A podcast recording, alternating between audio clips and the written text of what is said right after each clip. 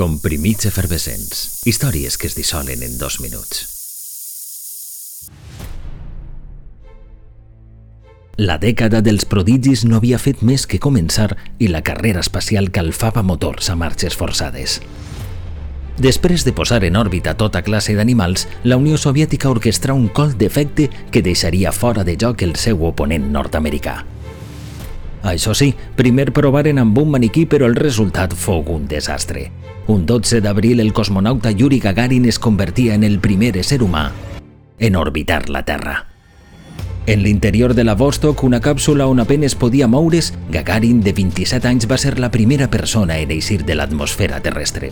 Feu una òrbita completa al planeta i tornar a casa d'una peça, no com li va passar al maniquí que el va precedir.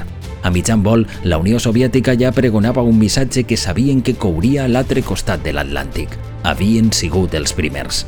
Galtada amb la mà oberta al programa espacial de la NASA que els soviètics, a més, saberen rendibilitzar al seu estil feren de Gagarin una icona nacional i mundial que passejarien per tot el planeta. No obstant, Gagarin, sobreprotegit i custodiat a partir d'aquell moment, no encaixaria molt bé el seu paper.